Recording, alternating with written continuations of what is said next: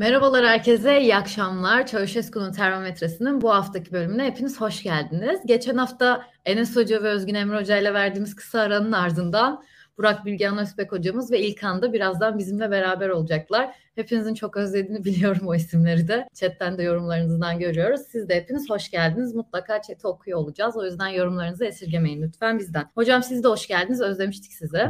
Merhaba, teşekkürler. Sizinle birlikte konuşmak istediğim çok fazla konu var tabii. Geçen hafta da şey yapamamıştık ama bu hafta da çok fazla şey oldu ülkede biliyorsunuz ki. Nereden başlamak istiyorum? Tabii ki de hepimizin yüreğini dağlayan, hepimizin kanını donduran bir haber bu hafta gündemimizi meşgul etti. Çünkü gerçekten kan donduran gerçekleri öğrendiğimiz bir haber furyasına girdik. Bu da neydi? Hiranur Vakfı kurucusunun kızının ifadeleri ve şikayetçi olması ve buradaki dava sürecinin afişe olmasıyla başlayan bir süreç gördük. Burada kanımızı donduran şeyler neydi? 6 yaşında küçücük bir kız çocuğunun evlendirilmesi, sürekli olarak tecavüze uğraması ve bununla birlikte deşifre edilen ses kayıtlarıydı aslında bilir kişilerin de deşifre ettiği ses kayıtları sonucunda gerçekten bu skandalın ortaya çıkması oldu. Bu skandalın ortaya çıkmasından sonra tabii ki vatandaşlar olarak biz de tepkimizi gösterdik, biz de verdik ama siyasilerin de tepkilerini gördüğümüz günler yaşadık. Bunlar neydi? Hem hükümet kanadından hem de muhalefet kanadından gelen tepkilerdi. Muhalefet kanadından Meral Akşener'in tepkileri, Ekrem İmamoğlu'nun tepkisi dün sabah 9'da Kılıçdaroğlu'nun Adalet Bakanlığı'na yürümesi ve bunun dışında da iktidar kanadından gelen tepkiler de vardı. Bugünkü kabine toplantısında da Cumhurbaşkanı Erdoğan kendisi de bizzat bu olayın asla kabul edilemeyecek bir şey olduğunu söyledi. Genel olarak bu olay özelinde ne söylemek istersiniz? Türkiye'de bir tarikat ve cemaat gerçeği var. Bunu daha önceki yayınlarda da konuşmuştuk. Bununla alakalı söyleyeceğiniz neler olur bize? Ya bu meseleyi böyle dokunulmaz bir şekilde tartışıyoruz. Yani sosyolojik olarak tarikat ve cemaatler bir olgu. Dolayısıyla kesinlikle herhangi bir idari tedbir bunları bir şekilde sınırlandırmaya ya da bir şekilde zayıflatmaya yetmez gibi bir yaklaşım var. Şimdi bu yaklaşımı anlıyorum ben. Fakat eksik buluyorum. E, cemaat ve tarikatlar evet olgu ama cemaat ve tarikatların e, bugüne kadar gelmesi ve bu kadar kurumsallaşması, e, bu kadar dokunulmaz hale gelmesi, bu kadar özerk olması, iktisadi güçlerinin artması, bürokrasi içerisinde oldukça örgütlü hale gelmeleri ve belli bir cemaate mensubiyetin Türkiye Cumhuriyeti vatandaşlığından daha fazla anlam ifade etmesi aslında çok da sosyolojik bir olgu değil. Gayet siyasal bir olgu. Bunu söylemek lazım. Dolayısıyla yani meseleyi mistik bir hale getirmeden konuşmayı öncelikli olarak e, savunuyorum ben. E, yani cemaat ve tarikatlar bir ihtiyaçtan doğmuş olabilir yani insanlar geleneksel dönemden itibaren işte belirli din bilginlerinin, alimlerin etrafında onların iştihatlarını dinlemiş olabilirler. Ancak modern devlet çatısı altında, modern toplumlarda bu içtihatların açıkçası kendi etkilerini sürdürmesi, arttırması siyasal bir destekle mümkün oluyor. Bunu söylemek gerekiyor. Yani sadece sosyolojik bir olgudan bahsetmiyoruz cemaat ve tarikatlar özellikle çok partili hayata geçtikten sonra sürekli olarak siyasetin içinde oldular. Etraflarındaki insanlar üzerinden siyasi partilerle pazarlık yaptılar ve bu insanlara bir anlamda ne derler bir e, arabulucu gibi, bir komisyoncu gibi davrandılar. Yani ellerindeki insan potansiyelini siyasi partilere bir anlamda peşkeş çektiler. Siyasi sadakatlerini peşkeş çektiler. Bunun karşılığında da siyasi partilerden belirli imtiyazlar aldılar. Bunu söylemek lazım. Ve imtiyaz aldıkça siyasetten daha doğrusu kamu imkanlarından daha fazla faydalandıkça daha fazla insanı da etraflarında toplamaya başa toplamayı başardılar. Çünkü insanlar aslında bir şekilde devlet memuru olmak ister, ihale almak ister, bir şekilde makbul olmak ister cemaatler ve tarikatlar siyaset kurumuyla kurdukları ilişki üzerinden insanlara bunu vaat ettiler. Yani bir dönem Fethullahçıların hikayesi de aslında biraz böyleydi bunu söylemek lazım. Yani Fethullahçıların devlet içerisindeki etkinliği onların yönettiği insan sayısıyla da pek alakalı değildi. Ama onların devlet içerisindeki etkinliği insanları onlara çeken bir magnet gibi, bir mıknatıs gibi bir görev yapıyordu. Çünkü işinizi halletmek için Fethullahçılara yakın olmak zorundaydınız. Özellikle Anadolu'da. Bunu söylemek lazım. Yani o iktidara eklemlenen trenin vagonu gibi bir şeydi. Dolayısıyla bu tarikatların ve cemaatlerin edindiği bir otonomi var. Fethullahçılardan sonra da 15 Temmuz'dan sonra da Fethullahçı olmadığını bir muhafazakarın ispat etme yolu olarak bir tarikat ya da bir cemaat bağlantısı sunması gerekti. Yani binlerce hikaye dinledim bununla ilgili. Yani sen Fethullahçı mısın diye soruyorlar. Hayır ben Erenköy'denim diyor. İşte bir, bir hocanın ismini söylüyor falan. Oraya telefon açıyor. Yani düşünsenize böyle bir böyle bir sistemimiz var bizim. Hani cemaatin kendisi aslında insanların makbulleşmesinin, insanların müreffehleşmesinin, insanların işte sisteme entegre olmasının bir yolu olarak sunuluyor Türkiye'de. Dolayısıyla burada siyasal bir bir taraf var. Bunu bunu kabul etmemiz gerekiyor. İnsanları mobilize eden, bir şekilde siyasi otoritenin ihtiyaçları doğrultusunda etrafındaki insanları, insan gücünü e, seferber eden ve bunun karşılığında da siyasi otoriteden belirli rantları kendisine alan, kendisine tahsis eden bir yapı ve bu döngü kırılamıyor yani. Bu döngü siyasetten bağımsız bir şekilde kırılamaz zaten. Bunu söylemek lazım. Yani ben meselenin tabii ki siyaset tarafını değerlendirmekle mükellefim. Yani mesela bir ilahiyatçı olsaydım bugün Mustafa Öztürk'ü dinledim. O çok daha sert eleştirilerde bulunuyor. Ama yani siyasi boyutu açıkçası bu. Bunu söylemek lazım. Böyle olunca da Türkiye Cumhuriyeti Devleti'nin Cumhuriyet vasfı büyük zarar görüyor Pırıl. Yani herhangi bir meseleye böyle patronaj ilişkileriyle yaklaştığınız zaman yani mesela 1950'ler için bunu Romano söyler Kürt meselesiyle alakalı. Menderes hükümetinin Kürt sorununa yaklaşımının aslında son derece maddi temelli olduğunu iddia eder. Yani Kürt aşiret ağlarını ya da önde gelen insanları Ankara'ya getirip onlara ihale pastasından bir pay vermek ve onların da kendi yönettiği insanlara bunu dağıtması dolayısıyla orada bir özerk alan oluşması gibi bir şey. Yani Demokrat Parti milletvekili Mardin'e gidiyor, Bitlis'e gidiyor. Orada dağıtacağı bir kaynak var. E, dolayısıyla Kürt sorununu çözdüğünü zannediyor ama aslında orada ayrı bir hiyerarşi kuruyor ve onu muhafaza ediyor. Yani oradaki ağ ile toplum arasındaki hiyerarşiyi para vererek aslında besliyor. Şimdi cemaat tarikat meselesinde de böyle. İşte bu tarikat üyeleriyle tarikat şeyhleri, tarikat seçkinleri arasında hiyerarşik bir ilişki var. Bir sömürü mekanizması var muhtemelen ve parayı bu şeyhlere, bu elitlere aktararak o sömürü mekanizmasını besliyor. Halbuki cumhuriyet doğrudan muhataplık meselesidir. Yani devlet ile herhangi bir vatandaş arasında doğrudan imzalanan bir sözleşme olduğunu varsayar. Bu sözleşme devletin niteliğini belirleyen bir şeydir. Sadece bizim haklarımızı değil. Devletin sahipliğiyle alakalı bize bir şey söyler. Çünkü doğmakla, bir nüfus cüzdanı elde etmekle biz bazı hakları kazanırız.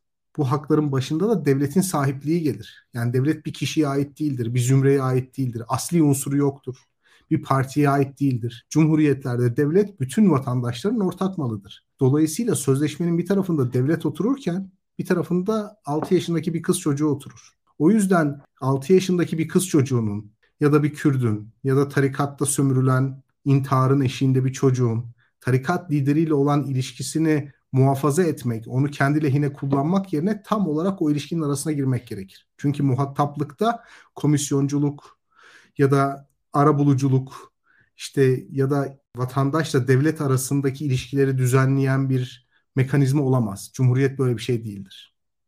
Bunu söylemek lazım.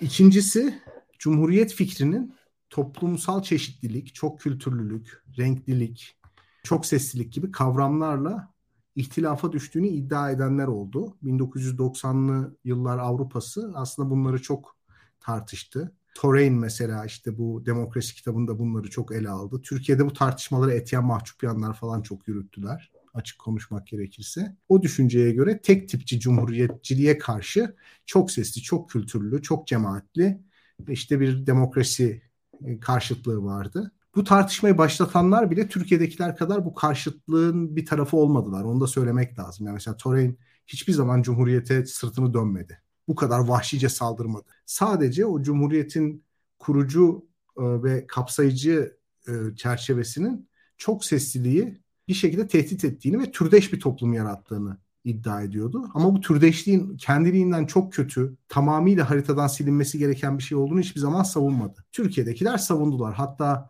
yani Nilüfer Göl'e böyle biraz da gülerek işte çarşaflıların çok eğlenceli bir dünyası var. O dünyayı merak ediyorum falan diyor. Böyle sanki egzotik bir canlıya yaklaşırmış gibi. Orada aslında çok başka bir sömürü mekanizması var. Görüyoruz işte. Öyle çok da eğlenceli bir şey değil. Ya anlatabiliyor muyum? Dolayısıyla Cumhuriyet'in aslında ifa etmesi gereken fonksiyon insanları türdeş hale getirmek değil. Tam tersine. Ya böyle Cumhuriyet çeşitleri de vardır ama Cumhuriyet asli olarak insanları işte o küçük komünitelerin, cemaatlerin, tarikatların, hatta kendi aşiretlerinin, hatta kendi ailelerinin baskısından da korumak için, bireyi kurtarmak için bir güç sahibi olmalıdır. Böyle bir şeydir. Ve bu sürekli olarak yeniden yorumlanmaya açıktır. Mesela işte liberaller olarak biz sürekli olarak piyasanın her şeyi kendi içerisinde halledebileceğini savunuruz. Yani daha doğrusu klasik liberaller böyle savunuyor. Fakat mesela şöyle düşün, şöyle de şöyle bir yorum da yapabiliriz yani. Hani Adana'da, Erzurum'da, Elazığ'da, Malatya'da kendi aşireti, kendi ailesi, kendi muhafazakar çevresi içerisinde boğulmuş, kendi potansiyelini bir türlü gerçekleştiremeyen bir öğrenci için büyük şehire gelip barınma imkanına sahip olmak, yani bir yurt, bir yatak, güvenli bir yemek sahibi olmak onu daha da fazla birey haline getirebilir. Hani Daktilo'nun devlet kapasitesi, liberteryanizmi programı aslında biraz bunları vurguluyor. Çünkü bizim amacımız e, piyasayı, piyasa aktörlerini korumak değil. Yani nihai amacımız bu değil. Nihai amacımız bireyi korumak. Bireyin potansiyelini olabildiğince ortaya çıkartmasını savunuyoruz biz. O yüzden oradaki tek korkutucu otorite devlet değil. Herkesin kendi dünyasında muhatap olduğu, tehdit algıladığı, korktuğu, sindiği, yıldığı bir devlet var. Kiminin babası, kiminin şeyhi, kiminin ağası, kiminin okul müdürü. Bunlara karşı bireyi savunmak gerekiyor. Ve Cumhuriyet'in aslında bireyi besleyen, bireyi güçlendiren, bireyi cemaatinin karşısına diken, toplumunun karşısına diken, hatta gerekirse kendi devletinin karşısına diken bir tarafı da var. O yüzden hani bu meselenin cumhuriyetle doğrudan alakalı bir tarafı var. Çünkü bireyleri tarikatların hiyerarşisi içerisine bırakmış, terk etmiş bir bir cumhuriyet var şu anda Türkiye'de. Yani asli amacı her bireyi kurtarmayı amaçlayan, yani onları hastalıktan, cehaletten, işte bir şekilde baskılardan kurtarmayı amaçlayan cumhuriyetten geldiğimiz döndüğümüz yer burası. Ve bu çok sesli bireylerin kendisini tam olarak ifade ettiği bir toplum doğurmuyor. Tam tersine kendi küçük komünitesi içerisinde ezilmiş, susmuş, bir şekilde birey olmaktan vazgeçmiş, birey olma ihtimalini bile kafasında canlandıramayan yüzlerce, binlerce insanla beraber yaşamamızı beraberinde getiriyor. Bu kadar söyleyeyim. Yani aslında çok güzel özetlediniz. Çünkü bu tür yapılar yani ağalıkta olur, cemaatlerde olur, tarikatlarda olur. Bireyin direkt kendi temsiliyetini bir grup insana, o tarikattaki liderlerine ya da bir gruba teslim etmesi demek oluyor. Bu hem dediğiniz gibi cumhuriyet anlayışına ters ama bunu çözmenin de yolları nelerdir? Bir de size kısacık onu sormak istiyorum. Yani hep bu tür olaylar çıktığında evet birkaç ay konuşuyoruz. Çok sıkıntılı olduğunu söylüyoruz. Ama iki uçta hep şeyde kalıyoruz. Tarikatlar kapatılsa, tarikatlar kapatılınca bu sorunlar çözülecek mi? Orada bir şeyi var. Öbür tarafta da denetlensin ama bu kadar kapalı ve bu kadar kendi içindeki yapılar nasıl denetlenebilir? Neler olabilir? Ya en azından bu mesele özelinde tabii ki uzun vadeli şeyler olacak ama bu tür şeyleri çözmenin yolu benim sizden anladığım Cumhuriyet'in gerçekten işlevli bir hale gelmesi olacak gibi anladım ama bir şey eklemek istediğiniz bir şey olur mu burada? Var var eklemek istediğim şey şu.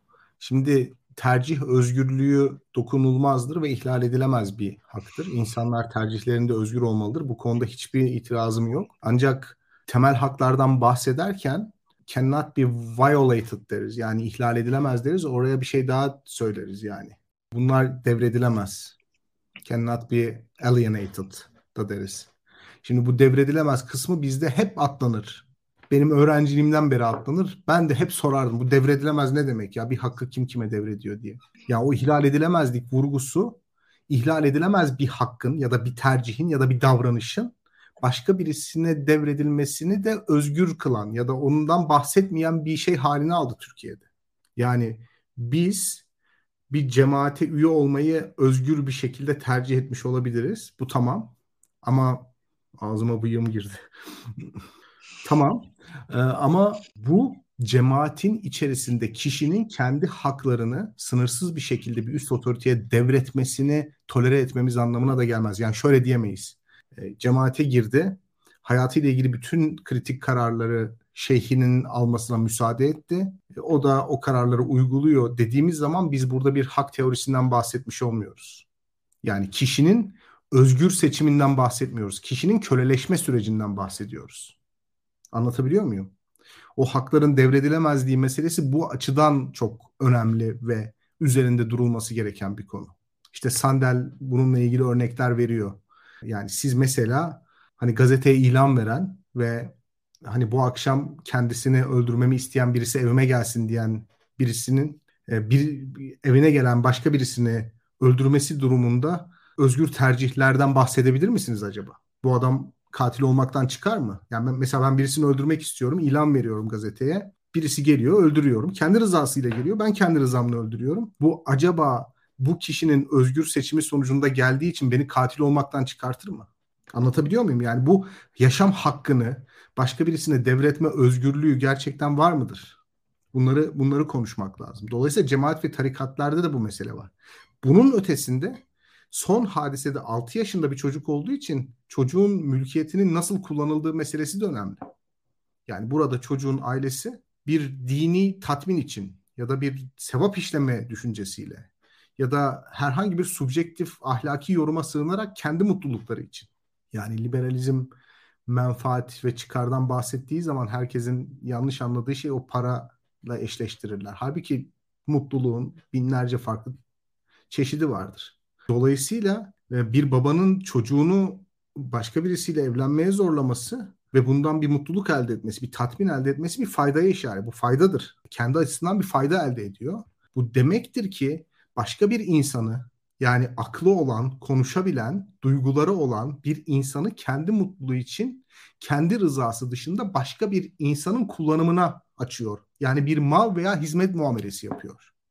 Bu bahsettiğim varlık insan ve biz insan hakları zaviyesinden cemaatleri ve tarikatları masumlaştıramayız. Bu, bu tip eylemlerden dolayı. Benim önerim devlet kapasitesinin olabildiğince bu tip hiyerarşik, sömürüye açık ve insan onurunu ihlal eden davranışlarını denetleyebilir şekilde hareket etmesidir. Cemaatlerin şeffaflaşması, defterlerinin olması, binalarının olması, organizasyon yapılarının açık olması bunu kolaylaştırıyorsa bu olur. Yani hangisi bunu kolaylaştıracak? Ona bakmamız lazım. Yani cemaatleri kapatmamak, cemaatlere yapılmış bir favor, bir iyilik değil. Buradaki bizim asıl noktamız devletin bireyleri bu hiyerarşiye karşı nasıl koruyacağı. Şimdi bunun yolu eğer tarikatların ve cemaatlerin para akışlarının, üyelik sistemlerinin, işte e, kullandıkları demirbaşların, ofislerin belli olmasıysa ve devlet bu sayede daha iyi denetim yapabilecekse bu olur. Buna rağmen denetim yapılacağı düşünülmüyorsa, yani bunlar paralel bir şekilde gideceklerse, topluma başka bir yapı kurup bunun arkasında başka bir yapılanma üzerinden gideceklerse o zaman başka bir şey olur. Ya bunlar başka bir suçtan dolayı e, tutuklanırlar ve kapatılırlar. Anlatabiliyor muyum? Ya otoriteyi yanılttıkları için. Ama asıl amacımız devletin olabildiğince bireyleri ve onların tercihlerini ve özgürlüklerini korur şekilde hareket etmesi olmalı. Yoksa cemaatlerin kapatılıp kapatılmaması onlara yapılan bir favor ya da onlara yapılan bir sert bir mücadele tarzına işaret etmez. Bizim buradaki amacımızı belirlememiz lazım. Devlet kapattığı zaman mı bireyi kurtarabilecek bu cemaatlerden? Yoksa daha şeffaflaştırdığı zaman mı kontrolü kontrolünü sağlayabilecek? Buna bakmak lazım. Yani evet bir de başta dediğiniz gibi İlkan hoş geldin bu arada. Sen yokken tabii ki hepimizin kanını donduran bu Kiranur Vakfı olayındaki şeyleri konuşuyorduk. Yani 6 yaşındaki bir çocuğun tecavüze uğraması buradan da aslında Türkiye'deki tarikatlar ve cemaatler. Bir noktada sen gelmeden bunun ne kadar cumhuriyet karşıtı ve aslında şeyleri siyasi olduğunu da birazcık değindik ama son kısmına sen de yetiştin. Bu konuda siz sen de yayınlar yaptın ama burada da söylemek istediğin, eklemek istediğin bir şeyler olur mu? Ee, bir defa Bilgehan'ın e, ne dedi yani ne dediğini biraz e, tahmin edebiliyorum zaten. Daha öncesinde de gerek bence bu bizim yayının başındaki Bilgehan'ın ne diyelim monolog mu deniyor ona tiradını insanlar izlesinler. Ee, daha öncesinde de Medyascope'dakini izleyebilirler. Bence felsefi açıdan bir noktadan e, başlıyor. Bahsettiği liberal e, filozofların kitaplarından özellikle Sandel'in kitapları kolay okunan kitaplardır. İzleyicilerimiz alsınlar, okusunlar, severler temelen. İnsanlarla paylaşılması güzeldir. Bu açıdan iyi bir öneridir, onu da söyleyeyim. çok da keyif alırlar. E, çok da ilgilenirler. Hatta e, komüniteryenizm, liberalizm tartışmaları güzeldir. Oradan girerlerse daha içerisinde hissederler kendilerini. E, buradaki tartışmalar üzerinde şunu söylemek lazım. Gerçekten Pırıl çok kötü bir hadiseyle karşılaştık. Ben daha önceki yayında Maya ile beraber biraz en azından bahsedebildim. Üzerinden konuşulması gereken bir şey hadise diye düşünüyorum ben. Birkaç şey ekleyebilirim. Birincisi şunu görmek lazım. Karşımızda yani özellikle geniş kitlelerin böyle bir şeyin yanında olacağını, böyle bir şeyin yanında duracağını hayal etmek, kabul etmek, öyle bir öngörüde bulunmak haksızlık olur o insanlara yani bir defa onu söyleyeyim. Yani karşınızda bile görseniz belli bir kitleyi o, kitlede böyle bir norm öyle öyle bir şey yok yani. Türkiye'deki en radikal İslami kesimde bile en az belli bir hayat gerçekliği var e, diye düşünüyorum ben. Bir defa bunu söylemek lazım. Yani burada bu iş böyle oluyor diye böyle herkes o, o radikallikte yaşıyor değil. Hatta devam edeyim. Biz Pırıl online olarak e, hemen tartışmalara başladık. Bu işte evlilik yaşı, çocuk yaşı falan e, bu tarz şeyler herkes fıkıh e, tartışmalarına girdi. Bu tartışmalarda en radikal şeyleri söyleyen insanların en radikal şeyleri yaptıklarını düşünmüyorum ben bir defa. Yani bir defa onu da e, bilerek e, konuşalım. Yani tamam böyle bir tartışmalar var ama o tartışmaların birçoğu aslında e, gruplar arası çatışmanın sonucunda herkes en radikal şeyi söylüyor ve o en radikal şeyle beraber grup açısından kendince pozisyon almasının psikolojik böyle bir karşılıklarını görüyoruz gibi geliyor bana. O kadar o, yani çok da ciddi almayın her duyduğunuz onu söyleyeyim yani en azından. Yani çünkü hayat insanları or- oraya götürüyor. Şu an mesela İslam'da kölelik meselesinin fıkhi olarak ne kadar dönüştüğünü, değiştiğini bir yandan ben bilmiyorum ama yani ortada da köle mele yok Türkiye'de baktığınız zaman. Yani hani hayat sizi bir yere doğru getiriyor ister istemez. Onun orada kitabi olarak orada durmasıyla real uygulanması arasında çok büyük fark olacağını düşünüyorum ki esasında oluyor da. Yani oluyor da bu.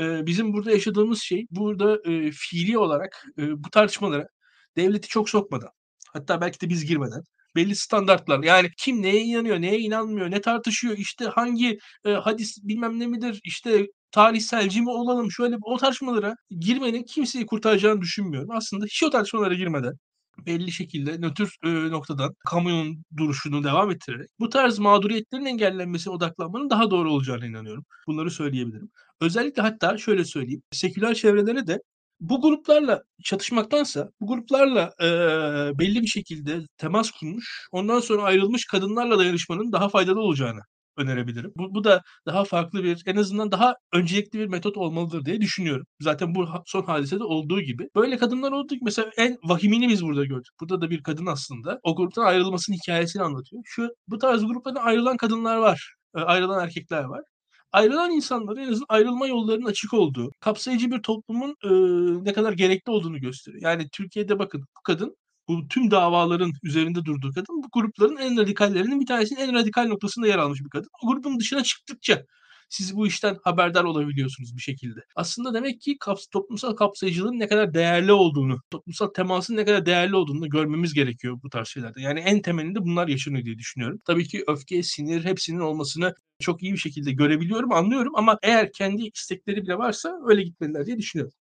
Yani evet gerçekten bu beni de burada korkutan şeylerden biri tabii ki hepimizin de aklında şey de vardır ama bu vakfın başkanının kızının gördüğümüz tekil bir olaydı ve bu kapalı yapıların içerisinde ne kadar fazla küçük kız, çocuk, ne kadar fazla genç kadın senin de dediğin gibi mağdur oluyor. Ne kadarı kurtuluyor? Biz bu kurtulanlardan ne kadar faydalanabiliriz? Senin dediğin gibi belki de böyle bir yol haritasıyla gitmeliyiz. Çünkü ya tabii ki sadece tahmin edebiliyorum. Hiçbir bildiğim bir şey yok ama çok fazla kadının, çok fazla kız çocuğunun mağdur olduğunu da aslında belki de söylesek çok da yanlış bir şey yanlış bir şey olmaz diyorum bu konuda.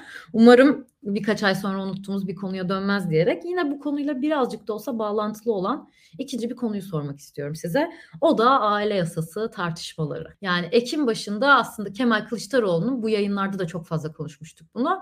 Bir video tweetiyle başörtüsü tartışması başladı aslında. Yasa teklifi vereceğini açıklamıştı ve bunun üzerine hükümet kanadından özellikle Erdoğan'ın kendisinden bir cevap gelmişti. Hadi gel bunu referanduma götürelim. Orada tartışalım ve hep beraber yasalaştıralım ve bunu yasayla koruma altına alalım gibi.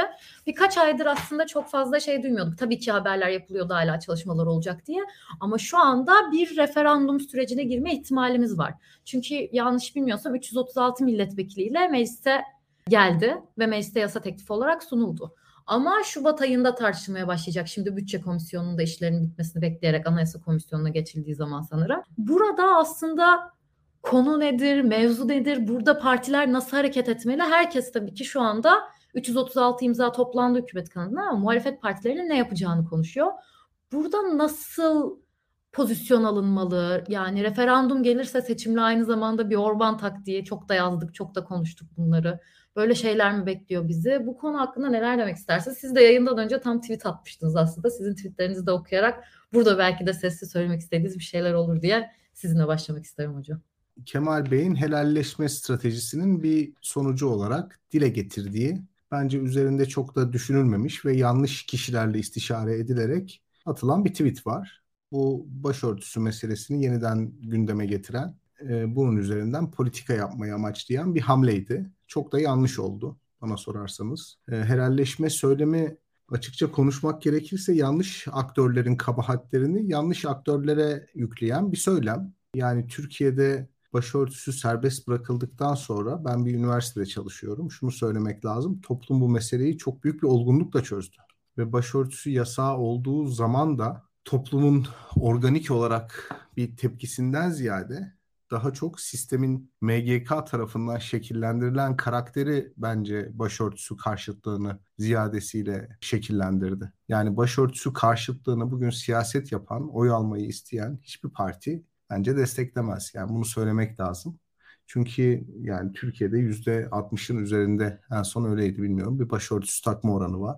Dolayısıyla e, yani siyasi pragmatizme sahip herhangi bir partinin başörtüsü üzerinden siyaset yaparak aslında popüler bir destek sağlaması çok zor. Fakat başörtüsü karşıtlığı üzerinden siyaset yaparak ara rejimin favori partisi olabilirdiniz. Yani MGK'nın gözde partisi olabilirdiniz. Dolayısıyla Türkiye böyle bir handikap yaşadı ve bugün Cumhuriyet Halk Partisi seçmeni aslında 2007'de 2010'da o yıllarda sivilleşme rüzgarlarının çok estiği yıllarda başörtüsü karşıtıymış gibi gösterilmesine rağmen onların karşıt olduğu bambaşka bir şey vardı.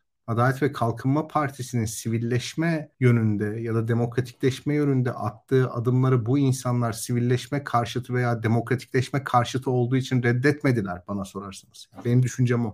Bu hamlelerin daha büyük bir otoriterliğe veyahut Türkiye'nin bir şekilde demokratikleşmesinin eski İslamcı kadronun eliyle mümkün olmayacağına dair inançlarından dolayı bir anlamda rezerv koydular. Şimdi siz kalkıp helalleşme söylemini bu başörtüsü günahını CHP seçmenin üzerine yıkarak kurduğunuz zaman aslında bir anlamda 2007 senesinde niye AKP'ye oy vermediniz demiş oluyorsunuz. Ya da 2010 referandumunda niye evet dem dememiş de demediniz demiş oluyorsunuz. Halbuki yani muhalif seçmenin zihninde son 20 senedir AKP'ye teslim olmamasının bir sebebi var. Yani bütün bu atılan demokratikleşme taklalarının, bütün bu havada uçuşan söylemlerin, baştan çıkartıcı, ayartıcı argümanların CHP seçmeninin dünyasındaki karşılığı bu argümanların Adalet ve Kalkınma Partisi tarafından otoriterleşme için bir payanda olarak kullanıldığı şeklindeydi. O yüzden Kemal Bey aslında az buz bir şey yıkmadı ve çok da tepki gördü bana sorarsanız. Yani CHP bu işleri kendi içinde iyi giz, gizliyor. Ee, yani İlkan'ın bir tezi var. CHP'de klikler çıkar konuşur. Hani sağ siyasette kol kırılır yen içinde kalır. Ama sol siyasette böyle değildir gibi bir tezi vardı ama bence CHP de son zamanlarda bu kol kırılır yen içinde kalır işini öğrendi. Ama parti içinde çok yıprandı bence. Ve bu Kemal, Kemal Bey'in bu politikası hükümet tarafından tabii e, daha el yükseltilerek karşılandı. Yani zaten bu LGBT meselesi, aile değerleri meselesi ya da kimlik siyaseti, kültür savaşı bu tip konular zaten AKP'nin sevdiği alanlar. Şimdi anayasa referandumunu, anayasa teklifini getirerek bir ikileme sokmaya çalışıyor. Yani ya anayasa değişecek ve bu CHP'nin, İyi Parti'nin desteğiyle olacak veyahut bu partiler buna destek vermeyecek ve seçim bir referandum havası şeklinde geçecek. Yani aslında biz 5 senedir uygulanan ekonomi politikasını oylamayacağız. Rüşveti, uyuşturucu mevzularını, kötü yönetimi, Bakan Nebati'yi, öncesinde Berat Albayrak'ın işte kuru faiz politikasını. Ha bunların hiçbir tanesini hepsini unutacağız. LGBT meselesine odaklanacağız. Aile değerleri meselesine odaklanacağız ve onu oylayacağız. Yani böyle bir hesap baktığınız zaman. Buna ilkesel olarak karşı durmak gerekiyor. Bakın tek bir şey söylüyorum yani muhafazakarların bize çizdiği illüzyon gerçek değil. Yani başörtüsü meselesi üzerinden oy tercihini değiştirmek, muhalefet partilerinin İslami konularda çok az hassasiyet gösterdiği için muhafazakarların onlardan uzak durduğunu iddia etmek tamamen kendi çevresindeki muhafazakarlara bakarak büyük bir sağ muhafazakar seçmen analizi yapan böyle nargile kafe analizcilerin işi. Yani öyle söyleyeyim. Yani bu İyi Parti'de bir ara Ömer'in yolu gibi bir şey çıkarttılar. Yani Ömer'in yolu diyerek muhafazakar seçmeni alabileceklerini zannediyor. Yani Ayasofya'yı açan AK Parti'ye karşı Ömer'in yolu söylemiyle mukavemet edebileceğini düşündü mesela İyi Parti. Son derece yanlıştı. Yani Eylül ayından Ocak ayına geldiğimiz zaman 6 puan düşmüştü oyları. Çünkü o politikayı öneren adamın dünyasında başka bir şey yok yani. Muhafazakarlardan nasıl oy alınır? Tayyip Erdoğan gibi davranarak oy alınır. Çünkü hep oraya çalışmış. Oradan çıkıp başka birisiyle çalıştığı zaman da Tayyip Erdoğan'a ne önerdiyse yeni çalıştığı siyasetçiye de onu öneriyor. Yani bu İyi Parti'de böyle oldu. Şimdi CHP'nin etrafında var benzer tipler. Onlar da Tayyip Erdoğan'dan ne gördülerse onu öneriyorlar açıkçası. E, halbuki bambaşka şeyler var. Yani insanlar gerçekten yaşamakta zorlanıyor ve muhafazakar seçmen istikrar istiyor, yönetim iradesi istiyor. AKP'nin alternatifinin dağılmadan kararlı bir şekilde ülkeyi yönetebilecek bir sinyal göndermesini istiyor. Bu başörtüsü meselesinin toplum tarafından çözüldüğü, buradan artık geri adım atılmayacağını herkes biliyor. Ya artık hayatımızda Nur Serterler yok, Canan Arıtmanlar yok. Ya onlar o zamanın da aslında radikal figürleriydi. Yani toplumun genel gerilimini temsil etmeyen, toplumun genel hissiyatını temsil etmeyen, gölge oyunu gibi bir şey izlettiler bize. Yani Emekli Paşa, Nur Serter, Canan Arıtman, karşısında işte Rasim Ozan, Yıldıray Oğur falan böyle bir böyle bir gölge oyunu, saçma sapan bir şey aslında. Ya baktığınız zaman toplumun yüzde biri ikisi falan etmeyen bir, bir kesim ve bütün topluma bu gerilimi verdi. Yasak kalktıktan sonra toplum bu meseleyi gayet barışçıl şekilde çözdü bana sorarsanız. Çünkü yasağın sebebi zaten toplumsal bir talep değildi. Bunu söylemek lazım. O yüzden bu meseleye de yani bu anayasa değişikliği meselesine de çok ilkesel bakmak lazım. Anayasaların bir haysiyeti vardır. Anayasalar seçim sürecinde partilerin birbirlerine oyun yaptığı, birbirlerine tuzak kurduğu, birbirlerine kumpas çektiği ve bunun için kullandığı enstrümanlar olamaz. Anayasaların haysiyeti siyasi partilerin bu konuda Adalet ve Kalkınma Partisi'nin teklifini ilkesel olarak reddetmelerini gerektirir. Bakın reddetmelerini gerektirir diyorum. Yani partiler kesinlikle şöyle düşünmesin. Eğer biz bunu reddedersek muhafazakar seçmene bunlar çıkıp başört desinler. Kabul etseniz de diyecekler. Bir şey bulup diyecekler. Buna teslim olmamak lazım. Anayasanın haysiyetini kor- korumaları lazım. Türkiye'nin gerçek meselelerini gündemde tutmak lazım. Ve hakikaten böyle o muhafazakarların yarattığı bugün Ahmet Davutoğlu'nun açıklamasını da izledim. İşte tabanda çalışamayız gibi bir şey. Yani bundan dolayı mı çalışamayacaksınız? Yani bugün bir bebek maması 240 lira. İnsanlar bundan şikayet etmeyecekler. Anayasaya niye bu madde konmadı diye mi şikayet edecekler? Allah aşkına. Yani bugün orta sınıf hiçbir insanın ev alma hayali yok. Üniversite mezunları asgari ücrete iş buldukları zaman seviniyor. Genel itibariyle bürokratik disiplin ortadan kaybolmuş durumda. AK Parti ilçe teşkilatından referans almadan iş bulmak mümkün değil. Ya bütün bunları unutacak bu halk. Siz bu anayasa meselesinde ilkesel bir tavır sergilediğiniz için ha buraya gelme artık biz seni Müslüman kabul etmiyoruz falan mı diyecek? Allah aşkına yapmayın. Yani evet zaten sizin de dediğiniz gibi tarihsel süreçte bunların sebebi halk tabanından gelmesi değildi ve oradan sonra da halkın da değiştiğini söyleyebiliriz. Çünkü mesela ben o zaman da yoktum. Belki o zamanlar orada olsaydım zaten 28 Şubat zamanında sokağa çıkarım. Hep de söylüyorum bunu. Belki Hayır, orada pırıl, yani şöyle karşıtlıklar var. Böyle elit, beyaz Türk, İstanbul sanayisi, gariban, Anadolu, işte çalışkan insan. Böyle yani böyle kaba kavramsallaştırmalar üzerinden gidiyorlar. Sonra inceliyorlar bilim insanları. İşte mesela Ayşe Buğra inceledi. Ya böyle ya bir karşıtlık var ama bunlar 80'li yıllardan itibaren birbirinin içine doğru çözülüyor birbirinden izole yaşayan, hiç selam vermeyen falan insanlar değil. Birbirinin içine doğru çözülüyor. Yani İstanbul sermayesi dediğiniz adamlar 80'lerle 90'larla dünyaya entegre olmaya başlıyor. Anadolu sermayesi dediğiniz adamlar da çok ilginç bir şekilde belediyelerin ele geçirilmesiyle beraber başlıyorlar kamu kaynaklarına eklemlenmeye. Ya bu çevre dediğimiz hani İslamcı kesim 1973'ten bu yana iktidarda ya. Hükümette. Yani 73 Ecevit Erbakan hükümetinden bu yana bir şekilde İslamcı gelenekten gelen isimler hükümetin bir parçası. Mesela hükümetler arasında liberal yok baktığınız zaman. Hani mesela ben kendi çizgimden bahsedeyim. Liberalleri işe alan bir adam yok. Öyle söyleyeyim size. Ama İslamcıları takır takır işe alan, akrabayı talukatını devlet memuru yapan çok adam var. Yani liberal bir belediye yok mesela.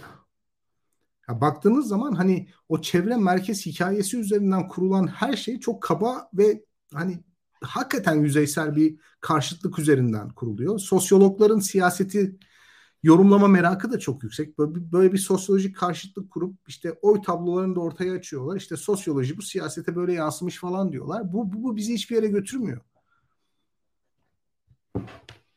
Yani bir de zaten İlkan sana da şey yaparken belki Burak Hocam siz de eklemek isterseniz ben bu ilk çıktığında zaten hükümetin tepkisinden de hani hep söylüyoruz yani tabanı o kadar ilgilendiren gerçekten bu kadar da ön planda olan bir tartışma değil şu anda. Siz de söylediniz. Chat'te de yazmış Hülya Hanım yani kirayı ödeyemiyor insanlar. Nereden çıktı bu e, başörtü meselesi ya da aile yasası diye ama tekrar bunu bir referandum konusu getirmeleri, tekrar bir siyasiye dönüştürmeleri, bu kadar çok konuşmaları şu aklım, aklıma şu soruyu getiriyor.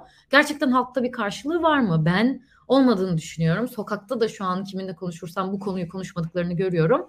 Ama aklımın ucunda da bir soru işareti olarak kalıyor. Şu anda bir karşılığı var mı? Ya da çok üstü kaşınırsa karşı karşılığı olan bir noktaya gelir mi? Siz bir şey eklemek isterseniz onu alalım. Sonra ilk anı dinlemek isterim de bu konuda. Sizin yok herhalde. İlkan sen yok. sence var mı yani bu tartışmaları bu kadar yapıyoruz gerçekten şu anda? Hani bir karşılığı var mı ya da olacağına mı inanıyor hükümet bu tartışmaları böyle kaşırlarsa? Birazcık şeye de deneyebilirsin. Daha önce de anlatmıştın da bu Macaristan'daki çalışmadı gerçi ama Macaristan'da denenen bir şey olduğu için mi deneniyor şu anda? Nedir bunun sebebi? Eee, bir defa şöyle söyleyeyim, ben hükümetin, eee, bu tarz, eee, en azından kendince sosyolojik kutuplaşmalar üzerinden toplumda, eee, oy almaya çalışmış çalışacağını, elindeki, eee, ana, eee, ne diyelim, eee, hamlesinden birisinin bu olacağını, düşünüyorduk zaten yani. Çok o açıdan bana çok sürpriz gelmedi ama, şunu belirtmem gerekiyor. Eee, bu hükümet, şu an mevcut yaşadığımız hükümetin anayasa değiştirme ehliyeti var mıdır, yok mudur? Ben daha buradan tartışmanın başlaması gerektiğini düşünüyorum bir defa. Yani bu hükümet bir anayasa değiştirecekse öncelikle parlamenter sisteme geçecek. Yani şu an Türkiye'deki muhalefet partilerine de tavsiyem budur hükümetin parlamenter sisteme dönmediği dönmeden yapacağı herhangi bir anayasa değişikliğinin, eee, gayet, eee, manasız bir değişiklik olacağını, hatta hükümet parlamenter sisteme dönmemişse onunla beraber anayasa değiştirmenin de bu mevcut sistemi onaylamak olacağını düşünüyorum. Bu açıdan bu anayasa konularının tam anlamıyla yani, hani, anayasa konularının böyle tartışılması gerektiğini düşünüyorum. Hani, anayasanın eğer bir kırmızı çizgi olacaksa kırmızı çizgi olması gerektiğini ve eğer bir şekilde o çizginin de parlamenter sistem üzerinden kurulması gerektiğini düşünüyorum. Yani şu anki mevcut muhalefet tartışması üzerinden söylüyorum bunu. Eğer Türkiye'deki ben tüm bu altılı masa, gerek İyi Parti'nin kendi iç tartışmaları, gerek Cumhuriyet Halk Partisi'nin tavrı ki ben hep söyledim. Ben hiçbir zaman o kadar da fazla parlamenter sistem sevdalısı bir insan değilim ama Türkiye'deki tüm muhalefet böyle kuruldu. Madem böyle kuruldu bu muhalefet, hükümete de önce anayasa değişikliği diyeceksiniz. Onun arkasından tartışmalara başlayacaksınız diye düşünüyorum. Bu açıdan şöyle söyleyeyim. Ben başörtüsü meselesinde evet yasaklar kalktı. Toplumun kimi kesimler arasında sosyal farklılaşmanın çok açık göstergelerinden bir tanesi başörtüsü. İster istemez orada çok görünür bir şey.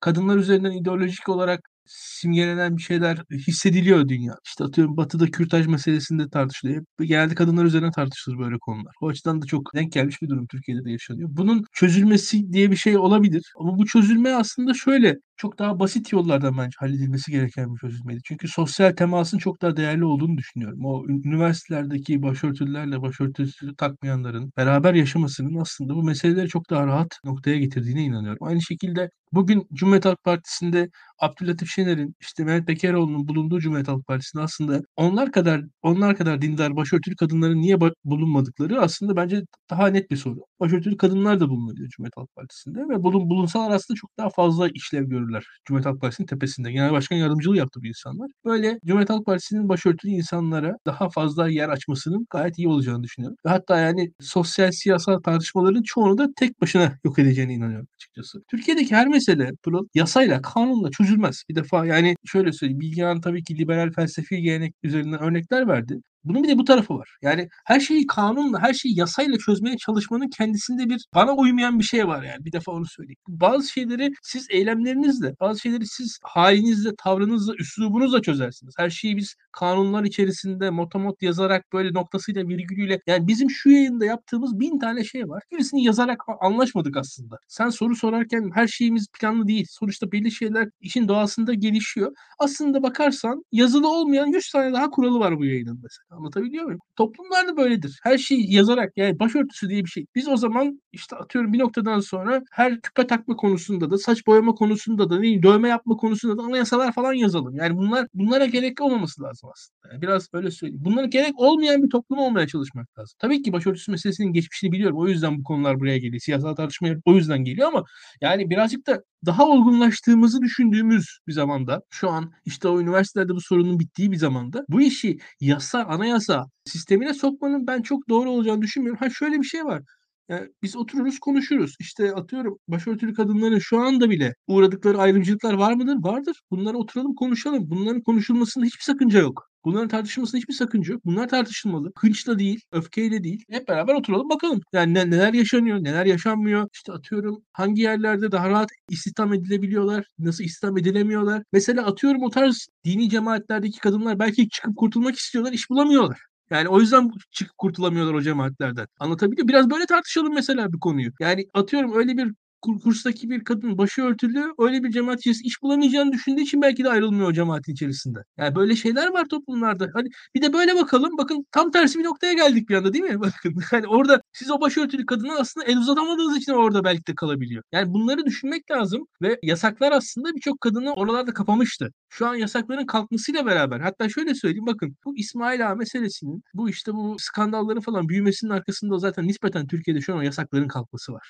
Yani o yasaklar kalktıkça tarz skandallar daha fazla ortaya çıkacak. Daha fazla serilebilir hale gelecek. Biz daha kapsayıcı bir toplum oldukça o tarz küçük kapalı yapılar daha fazla bizim önümüzde kendini açmak durumunda kalacaklardır diye düşünüyorum. Mesele biraz budur. Toplumun kendisini daha kapsayıcı hale getirmesidir. Bunları biz yasalarla sınırlamamızın yani hakikaten manasız buluyorum. Benim, benim için olay biraz odur. Siz kendiniz uygulamalarınızla her şeyi yaparsınız. Bizde de yani atıyorum en basit mesela daktiloda kadın görünürlüğü. Çok mu yasalarla bağlıyız? Yok değiliz aslında yani. Ama bir niyet var açıkçası. Ortada bir sonuç yapmaya çalışıyoruz. Elimizden geldiği kadar. Bu tarz konular böyle her şey yasayla, modla birebir uygulanarak olmasının kendisinin kategorik olarak hatalı olduğunu söylüyorum. söylüyorum. Doğru. Mesela Selim Bey yazmış.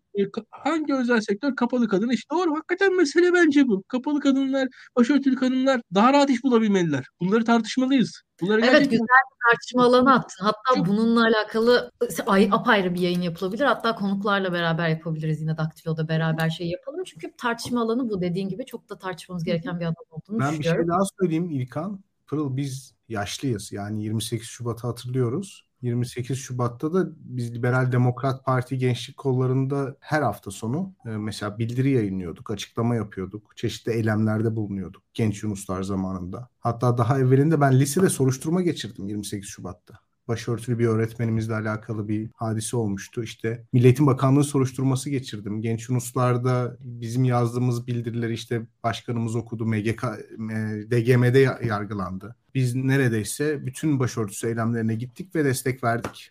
Bizim oradaki meselemiz Türkiye Cumhuriyeti vatandaşlarının ayrımcılığa uğramaması ve temel haklarından mahrum edilememesi, eğitim hakkından mahrum edilememesi meselesiydi. Yani orada biz başörtüsüne özgürlük istemedik. Biz insanlara özgürlük istedik. Fakat şunun da İlkan'ın söylediğini biraz daha açmak istiyorum. Şunun da farkında olmamız lazım. Bütün bu özgürlükler kazanıldıktan sonra bizim özgürlük ve eşitliğin yanı sıra bir kavrama daha ihtiyacımız var. Normalleşme.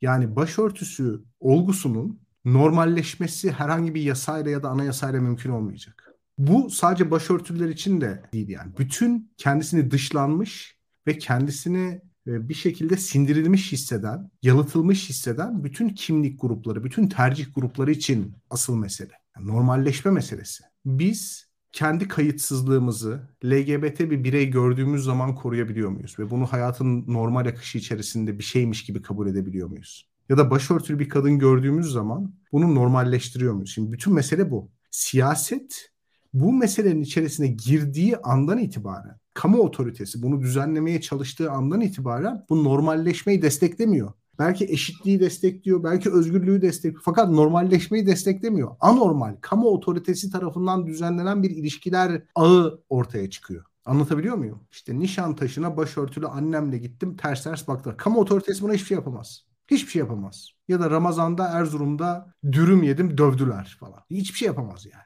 Laf attılar. Hiçbir şey yapamaz. Dövdülere bir şey yapabilir de cezalandırabilir de hani dövüldüğü anda pek bir şey yapamaz. Ama yani bunların normalleşmesi lazım. Yani 90'lı yıllar Elazığ'ında erkeklerin kot pantolon giymesi çok garip karşılanırdı yani. Erkeklere laf atarlardı öyle söyleyeyim size. Öyle bir öyle bir yerde. Fakat mesela 2022 Elazığ'ında abi çok normalleşti bazı şeyler. Ben mesela liseyi bitirene kadar Elazığ'da şort giymedim.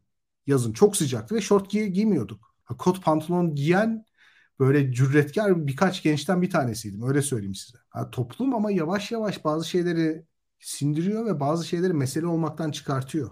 Anlat, anlatabiliyor muyum? Başörtüler meselesi, LGBT meselesi, siyaset bence bu alanlarla ne kadar az ilgilenirse o kadar hızlı normalleşecek. Ve yine İlkan'ın dediği gibi yani siyasetin dışında kalan alanlardaki sorunlarımızı çözmeye, medeni bir şekilde çözmeye odaklanırsak o normalleşme sürecini daha fazla desteklemiş oluruz gibime geliyor. Bir de İlkan sana şunu da sormak istiyorum. Tabii ki hani çıkış noktası Kılıçdaroğlu'nun başörtü halalleşmesinden çıktı. Sonrasında başörtüyle alakalı bir yasa gibi çıktı ama bu getirilmek istenen aile yasasında başka maddelerinde olacağı olması gerektiği bir aile kurumunun yapısının kadın erkek arasında kurulması gerektiği falan söyleniyor. Bunun hakkında değinmek istediğim bir şey olur mu? Çünkü sadece başörtüsünü ve kadın haklarını koruyan bir yasa değil. Gerçekten aile kurumunun belki de sınırlarını çizmek isteyen bir yasa tasarısı olarak da karşımıza çıkacak. Şubat ayında muhtemelen tekrar konuşuyor olacağız bu konuyu. O tarafında da gerçekten tedirginim. Şunu görebiliyorum. Türkiye'de İslami kesimin içerisinde aile meselesine dair yoğun bir tartışma dönüyor. Burada bir şekilde şunu yaşıyorlar. Son bu vakıflardan ayrılan kadınların yaptığı konuşmalarda da gözüken bir şey var mesela. Aileleri içerisinde çocuklarının ikna olmadığını görüyorlar. Evlilik yaşının yükseldiğini görüyorlar, boşanmaların arttığını görüyorlar oğullarının dövme yaptığını, kızlarının başlarını açtığını görüyorlar. Bazı şeylere rahatsız bu insanlar. Bu böyle bir rahatsızlık var aslında. Hükümetse böyle bir rahatsızlık karşısında hükümet tarafıysa işte yasa çıkartalım, işte atıyorum kanun yapalım falan diye böyle bir saçma sapan bir noktada. Ve bu rahatsızlıklar Türkiye'de absürt bir şekilde kadın hakları üzerinden tartışılıyor. Biz bunu İslam Sözleşmesi üzerinden tartıştık ne yazık ki. Devamında da şu an artık hele hele erken yaşta evlilik falan getiremezler şu son skandallardan sonra diye umuyorum artık yani açıkçası. Ama 62-84 e, ve tarafında bir değişiklik öngörüyorum. Hatta boşanma meselesinin Türkiye'de daha zorlaştırılmasının ihtimalleri içerisinde olduğunu düşünüyorum genel trend açısından. Bu tarz teklifler gelebilir. Özellikle nafakaların sınırlandırılması tartışması olabilir Türkiye'de. Bu tartışmalarda açıkçası muhalefetin özellikle kadınların yanında yer alarak iktidarın karşısında çok sert bir şekilde durması gerektiğini düşünüyorum. Ve aile yani bize belli norm dayatan, yani devletin bu normları dayatmasına ihtiyacımız olmadığını çok rahat bir şekilde söylememiz lazım. Çünkü toplumda bazı sosyal dönüşümler oluyor. Bu sosyal dönüşümleri de yasalarla düzeltemezsiniz. Yani şu anda açıkçası e, burada etrafınızdaki birçok kadın ve erkek neredeyse 30 yaşına kadar evlenmiyor. Şimdi bunu yasalar çıkartarak düzeltmeniz çok olası değil. Yani sizin atıyorum şu an Türkiye'de bir artı bir evler yapılıyorsa anlatabiliyor muyum? Bu kadar şehir dışında bir artı bir apartman dairelerinde yaşıyor insanlar. Burada, burada, burada sosyal bir gerçeklik var. Sosyal bir dönüşüm var. Bunları yasalar çıkartarak, kanunlara yazarak e, düzeltmeniz çok kolay değil. Yani 3-4 çocuğu o bir artı bir evde yapamaz o insanlar biliyorsunuz. Yani bu hayat gerçekliği sonuçta. Bir hayat tarzı artık değişiyor. Bunları işte dediğim gibi yasalara, kanunlara koymak bence biraz neredeyse gaflet. Açık gerçeklik var. Bazı şeyler gerçeklik olarak görülüp kabul edilmeli. O gerçekliğin üzerinden tartışılmalı bence hatta. Bütün bunların bu saçmalıkların son bulmasını diliyorum açıkçası. Bu tabii işin bir ucunda da Türkiye'nin hani günah keçisi LGBTİ artılara bir şekilde hedef alınacak. İşte en zayıf onlar görülüyor diye tahmin ediyorum. Henüz orası tam net bir şekilde belli değil ama sonu ona dayanacak bu işlerin diye düşünüyorum. O da vahim. Biz özellikle burada tüm muhalefet hatta tüm genel kamuoyu olarak kadın hakları üzerinden tartışmalıyız diye düşünüyorum. Yani meseleleri. Ve kadın haklarının belli bir standartta uygulanmasını bizim minimum bazımız olmalı diye düşünüyorum. Son olarak çok teşekkür ederim. Ağzınıza sağlık. Son olarak çok kısa bir şey daha sormak istiyorum. Biz tabii ki her yayında hani altılı masayı çok konuştuk. Seçime çok yaklaştığımızı çok konuştuk. Ama hep de bir aday konuşmamız gerektiğini de konuşuyoruz. Ama tekrar tabii ki adayı öğrenmediğimiz bir seçime, seçim atmosferinde girmediğimiz bir dünyadayız ya da şu anlık öyleyiz diyebiliriz. Ama dün Kılıçdaroğlu Adalet Bakanlığı yürürken Ekrem İmamoğlu'nda Halk TV'de bir konuşması vardı aslında. Ekrem İmamoğlu bu konuşmasında birazcık belki de herkes şaşırtan şeyler söyledi diyebilir miyiz? Bilmiyorum öyle yorumlar mısınız siz de ama her CHP'nin adayı Kemal Kılıçdaroğlu'dur dedi. Ve uzun süredir kendi ağzından duymadığımız şeylerdi bunlar. Onun dışında da birazcık muhalefet eleştirisi olarak alabileceğimiz belki de iktidar bu seçimi çoktan kaybetti zaten. Hani ancak muhalefet kendi elinden kaçırabilir gibi bir açıklama yaptı.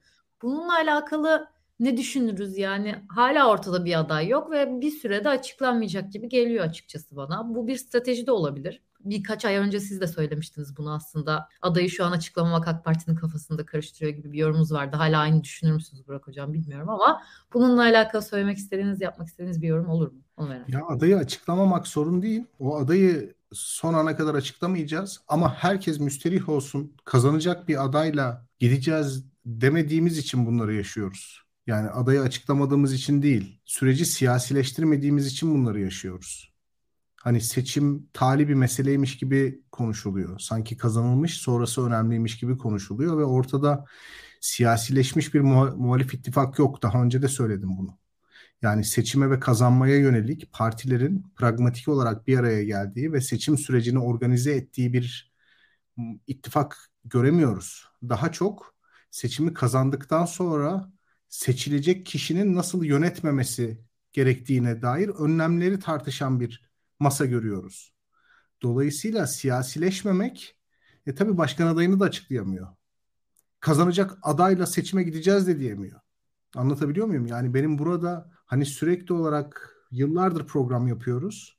Biz hep birleşik bir muhalefet cephesini savunduk. Yani muhalefete gelen her partinin bir şekilde bu işe destek vermesini savunduk ve çok büyük büyük laflar etmedik. Yani hiç kimseyi ahlaken yargılamadık. Tamamen partilerin potansiyellerini olabildiğince Tayyip Erdoğan'ı mağlup etmeye yönlendirmesi gerektiğini söyledik. Bu da siyasi bir ittifakla mümkün oluyor.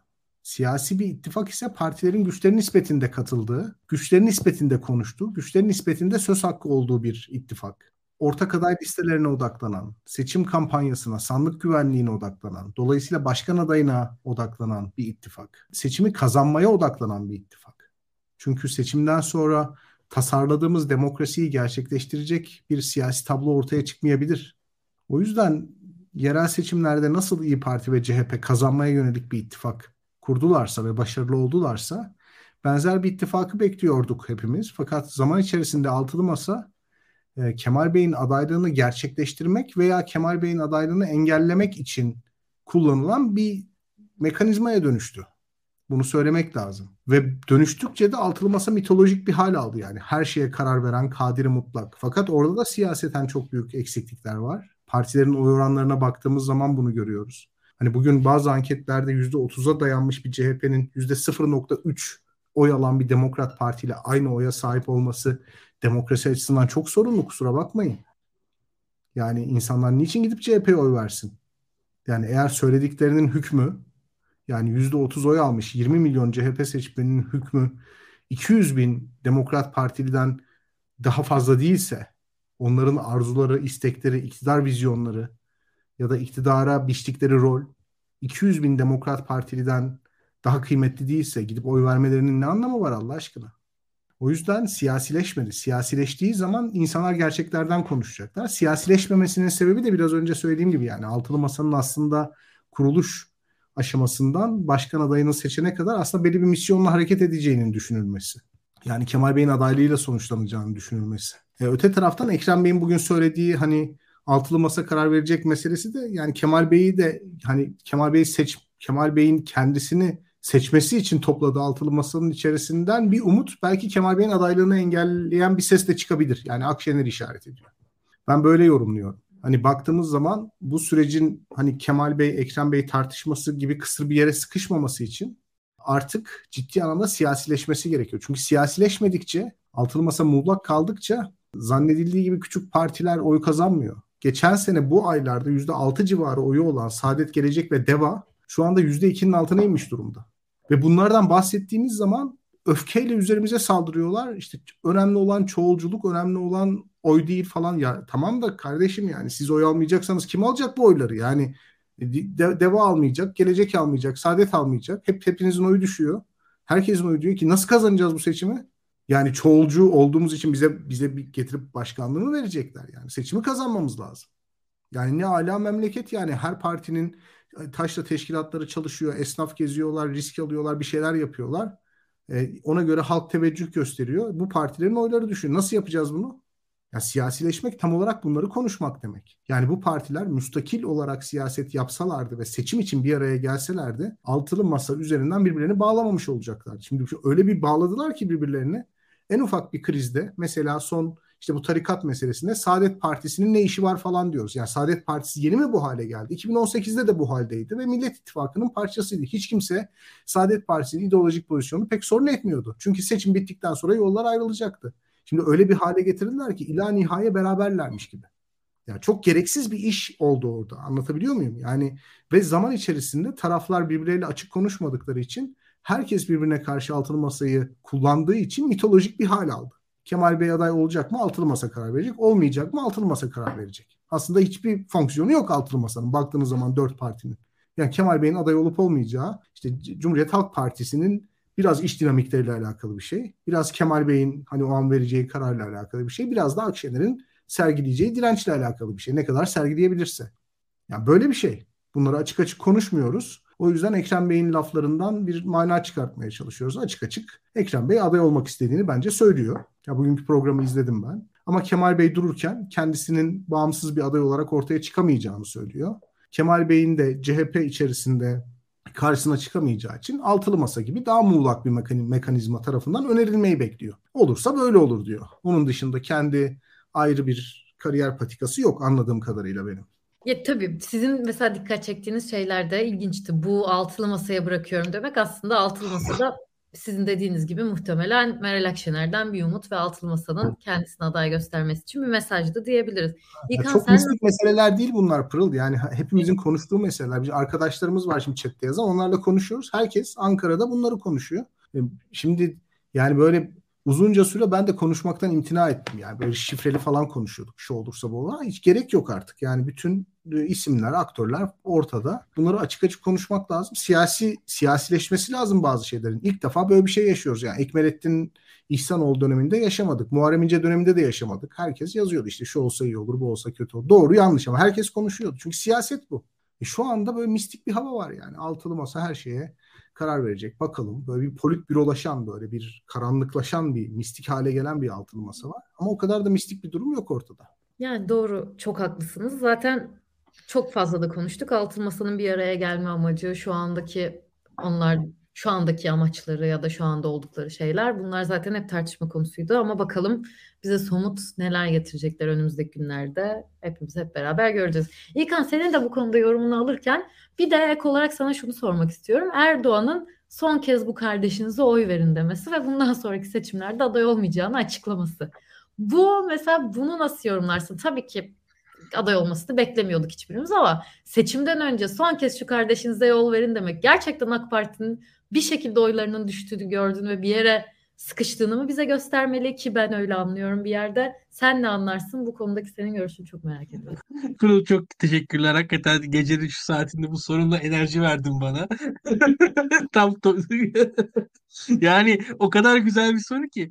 Ben şöyle söyleyeyim. Bir defa ben Sayın Erdoğan'ı tanıyorsam Sayın Erdoğan yenilmeye doymaz. Yenilsin seçimde bir daha kesinlikle aday olur. Bir defa onu söyleyeyim yani. Onu o kadar siyaseti bırakacağını falan zannetmiyorum yani. Öyle Tayyip Erdoğan diyelim ki seçim oldu ve %48,5 oy aldı. %51,5'da işte muhalefetin adayı kazandı. Sayın Erdoğan'ın bir daha aday olmayacağını falan kimse bana, bana söyleyemez yani. Öyle bir durum yok. Sayın Erdoğan kesinlikle e, tekrar tekrar aday olacak.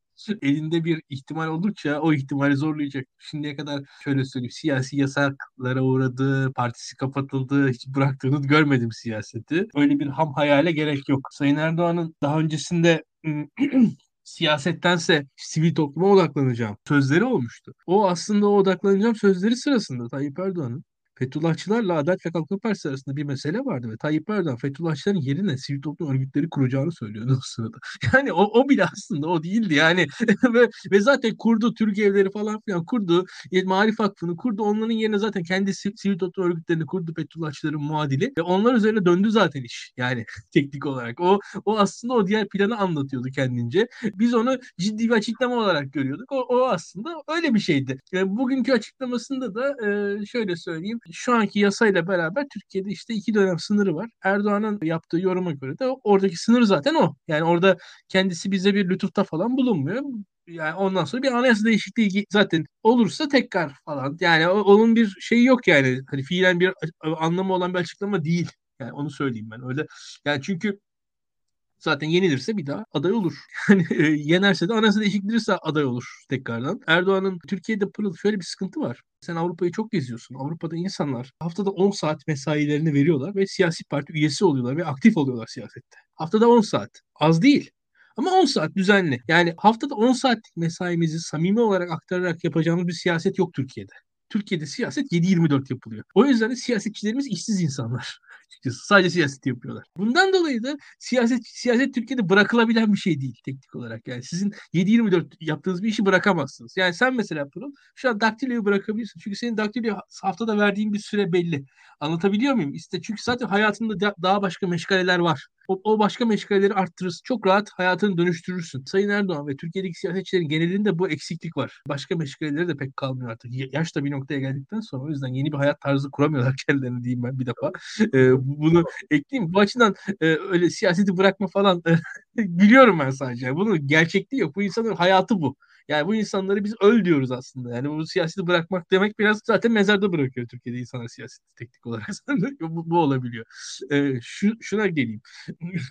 İşin bu tarafı hakikaten böyle. Yani o gerek az oyuyla çok oyuyla falan filan açıklanabilir bir şey değil. Yani ama şimdi sen deyince muhalefet lideri bir Recep Tayyip Erdoğan şu an tüylerimi diken diken etti. Umarım görmek nasip olur diyeyim. Ben şu an çok heyecanlandım. Umarım ya ben şöyle söyleyeyim. bırakmaz yani. Evet. Çok güzel. Çok heyecanlandım. Bayağı, bayağı... E, şimdi devamını da şöyle söyleyeyim. Altılı masa tartışmalarını Bilgehan'la beraber uzun zamandır yapıyoruz. E, uzun zamandır yaptığımız tartışmalar içerisinde Ekrem Bey'in tavrı dediğim gibi Ekrem Bey CHP, CHP rağmen aday olabileceğini düşünmüyorum ben Ekrem Bey. Cumhuriyet Halk Partisi şu an bence son 10 yıldaki en güçlü halinde hatta son 20-30 yıldaki en güçlü halinde Cumhuriyet Halk Partisi. Yani örgüt yapısı, gücü. Yani bir, bir maddi güç var orada. Bir para var, teşkilat var, kitle var orada. Ekrem Bey isim olarak şu an en parlak isim. O da açık. Ama Bilgehan'ın dediği de çok güzel bir şey var orada. Yani muhalefetin oy alması lazım. Partilerin oy alması lazım. Partinin oya ihtiyacı var. Partilerin vekil çıkartmaya ihtiyacı var. Parlamento önemli. Biz tartışmalarımızı bunun çok dışına çıkarttık bir noktadan sonra. Anayasa işte program başında tartışmış işte anayasa, yasalar, kanunlar, planlar, projeler işte şunlar yapılacak. iki yıl geçiş şuradan oraya geçeceğiz. İşte şu yetkisini uygulayacak, bu yetkisini uygulamayacak falan. Yani bunu biraz şöyle öngörmemiz lazım bizim. İşte mesela Aydın ilinde Millet İttifakı kaç vekil çıkartacak? 6 vekil çıkartma imkanı bir de var Millet İttifakı'nın mesela. Yani mesela veyahut da 4 vekil çıkartır ve anlatabiliyor muyum? Veyahut da daha da az, az, az, azalabilir. Birbirini de yiyebilir. Millet İttifakı. Yani Türkiye'de mesela bakın Denizli'de kaç vekil çıkartacaklar? Bur Burdur'da kaç vekil çıkartacaklar? Konya'da, İzmit'te, Urfa'da en doğrusu nedir? Bu hesapları yaptığınız zaman bu hesaplar zaten sizi bir yere doğru yönlendirir. Bakın iyi değil bakacaksınız. Türkiye'de İyi Parti ile Cumhuriyet, Cumhuriyet Halk Partisi Niğde'de ittifak yapsaydı Niğde Belediyesi'ni İyi Parti kazanmıştı. Bak Niğde. Çok enteresan bir şey söylemiyorum. Bak Niğde yani Türkiye'de aslında hani Türkiye'nin en seküler yerinden falan da bahsetmiyor. Niğde geçen yerel seçimde kazanılabilirdi. Bu ihtimal vardı. Kazanılamadı. İşte Mersin ilçelerini, Antalya'nın ilçelerini anlattım. İşte Balıkesir'deki HDP'li olan meseleyi anlattım. Tek tek her şeye bakacaksınız, Aslında ölçeceksiniz. Demokrat Parti meselesi var Balıkesir'de mesela. Demokrat Parti adayı da yüksek aldı. Yani seçimin sonucunu etkileyebilecek bir oy aldı. HDP'den ziyade Demokrat Parti ayrı aday çıkarttı orada herkes bir bakmalı, oturmalı ya. Önümüzde bir oylar var, millet var, insanların bir seçmen tabanı var elimizde. Bunlar üzerinden hesap yaptığınız zaman zaten o hesaplar sizi bir adaya doğru götürür. O aday üzerine siz zaten bir şekilde kabullenmek durumunda kalırsınız. Üç tane de cumhurbaşkanı olmayacak bu ülkede. Bir, bir kişi cumhurbaşkanı olabilecek. Onu da görüyorsunuz açıkçası. E, elinizde bir fırsat var. Elinizdeki fırsat da şu bir yandan. E, bakanlar e, vekil olamıyorlar aslında. Baktığınız zaman belli adayları da rahat rahat seçmenizi sağlayabilecek bir nokta var orada. Biraz bakan sayısı arttırılır. Zaten e, hükümetsiz olduktan sonra dağıtacağınız postlarınız çok fazla. Çok da rahat bir şekilde belli kurumlara, belli insanlar gelir. Bu, bu pazarlıklar yapılır. Bunlar ayıp değildir, günah değildir. Siyasi pozisyonları siyasi insanlar gelir zaten. Bunun gibi bir çözüm bence gayet rahat bulunabilir. Ekrem İmamoğlu'nun açıklamasında evet şu gözüküyor. Ekrem Bey aday olabileceğini, aday olsa iyi aday olacağını, başarılı olacağını iddia etti bugün ee, çok net bir şekilde Ekrem Bey. O iddia ortada duruyor şu anda. Ve o iddiada da ben haklı olduğunu düşünüyorum. Ekrem Bey başarılı olur.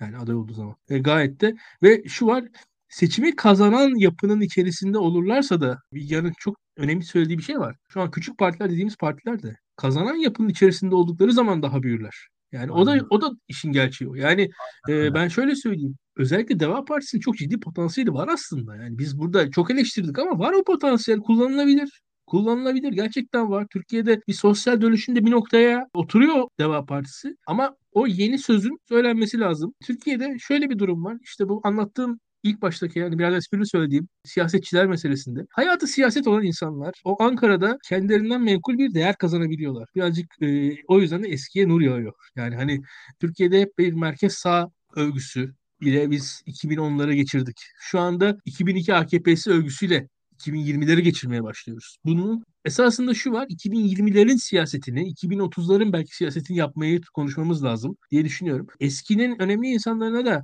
e, şöyle söyleyeyim yani iktidar kazanırsın onlara zaten yerler verilir. Birazcık burada biraz daha dengeli olmak gerekir diye düşünüyorum. Biraz bu e, koltuk kavgası gör, görüyorum açıkçası muhalefet içerisinde. Ankara biraz öyle bir yer. Ee, Ankara bu konuda çok hoş bir yer değil. Bilgehan benden daha iyi bilir. Hatta birazcık daha bir şeyler anlatsın biz dinleyelim diye düşünüyorum.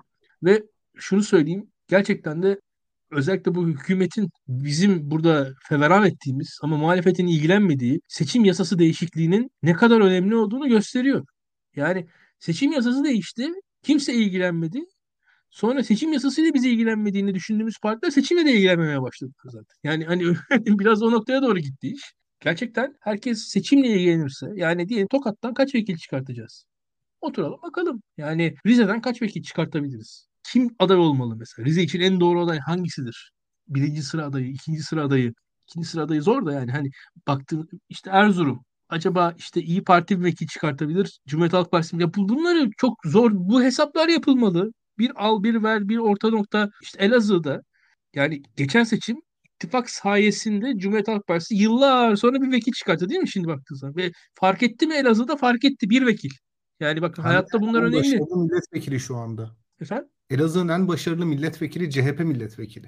Evet bakın Elazığ'da fark ediyor bu, bu taşta illerinde bir vekil o, o ile dair bir şey değiştiriyor. Yani onun da ağırlığı da var. Yani şu an Erzurum'da çıkartacağınız bir vekil sizin açıkçası hani Erzincan seçiminin sonucu Malatya'da çıkartacağınız belki ikinci vekil, Urfa'da çıkartacağınız ikinci vekil, Diyarbakır'da çıkartacağınız bir vekil, Van'da çıkartacağınız bir iki vekil. Bunlar işte çok şey değiştirecek. Çok şey değiştirecek diye düşünüyorum. Önemli bunlar. Yani Afyon'da mesela muhalefet ikinci vekil kim çıkartabilir? Bunlar ya bu, bu tartışmaların yapılması gerekiyor. Bunlar üzerinden yapıldığı zaman zaten siz hani adayı doğru adayı bulursunuz. Böyle bakın olaya. Şu anda yaptığım gibi bakın gayet rahat bir şekilde aday bulursunuz diye düşünüyorum. Yani biz daha önce çok da söyledik bunu. Tek tek her ilde hatta seninle tekrar ben bunu bir hatırlatacağım. Yayın yapalım demiştik. Oturup tek tek hangi partiden girilecek, hangi listelerle girilecek, hangi şehirde ne yapacak bunun hesabının yapılması gerekiyor. Çünkü tekrar söylüyorum yani ne kadar gerçek olur bilmiyorum ama Osmaniye'nin il yapım şey Osmaniye'nin demişim mesela Adana'daki ilçelerin il yapılması konuşuluyor. Tarsus'un illeştirilmesi konuşuyor. Neden? Çünkü MHP tabanlı bir yer falan. Bunun Ceyhan'ın il yapılması konuşuluyor Adana'dan. İnegöl'ün il yapılması konuşuluyor falan. Hükümetin ya da ne bileyim Cumhur İttifakı'nın bunları tek tek hesapladığı yerde meclisin hala önemi var. Milletvekillerinin milletvekili sayısının hala çok değeri var. Bunu göz ardı etmemek gerekiyor ve umarım biz burada konuşuyoruz ama tek tek her ilde kimin listesiyle gidecekler. Kimlerden aday gösterilecek, nasıl daha fazla vekil kazanır umarım çalışıyorlardır ama şu anda ortada bir ittifak da olmadığı için biliyorsunuz ki Millet İttifakı altılması bir ittifak ya değil. Mesela bugün Davutoğlu'nun bir açıklaması var. İşte süreci tek kişinin inisiyatifine bırakamayız. Ya tamam bırakamayız. Orada halen daha siyasi partilerin seçimden sonra bir ağırlığı olacak ama ağırlıkları olması için de bu partilerin mecliste olması lazım. Yani ben mesela yeni seçilecek başkanın tepesinde parlamenter sisteme geçiş kılıcının sallanacağını düşünüyorum. Çünkü seçimi kaybettikten hemen sonra AKP ve MHP muhtemelen parlamenter sisteme geçiş isteyecekler. Yani bugün Cumhurbaşkanı seçilen kişi İyi Parti ve CHP ile çok sıkı çalışmak zorunda.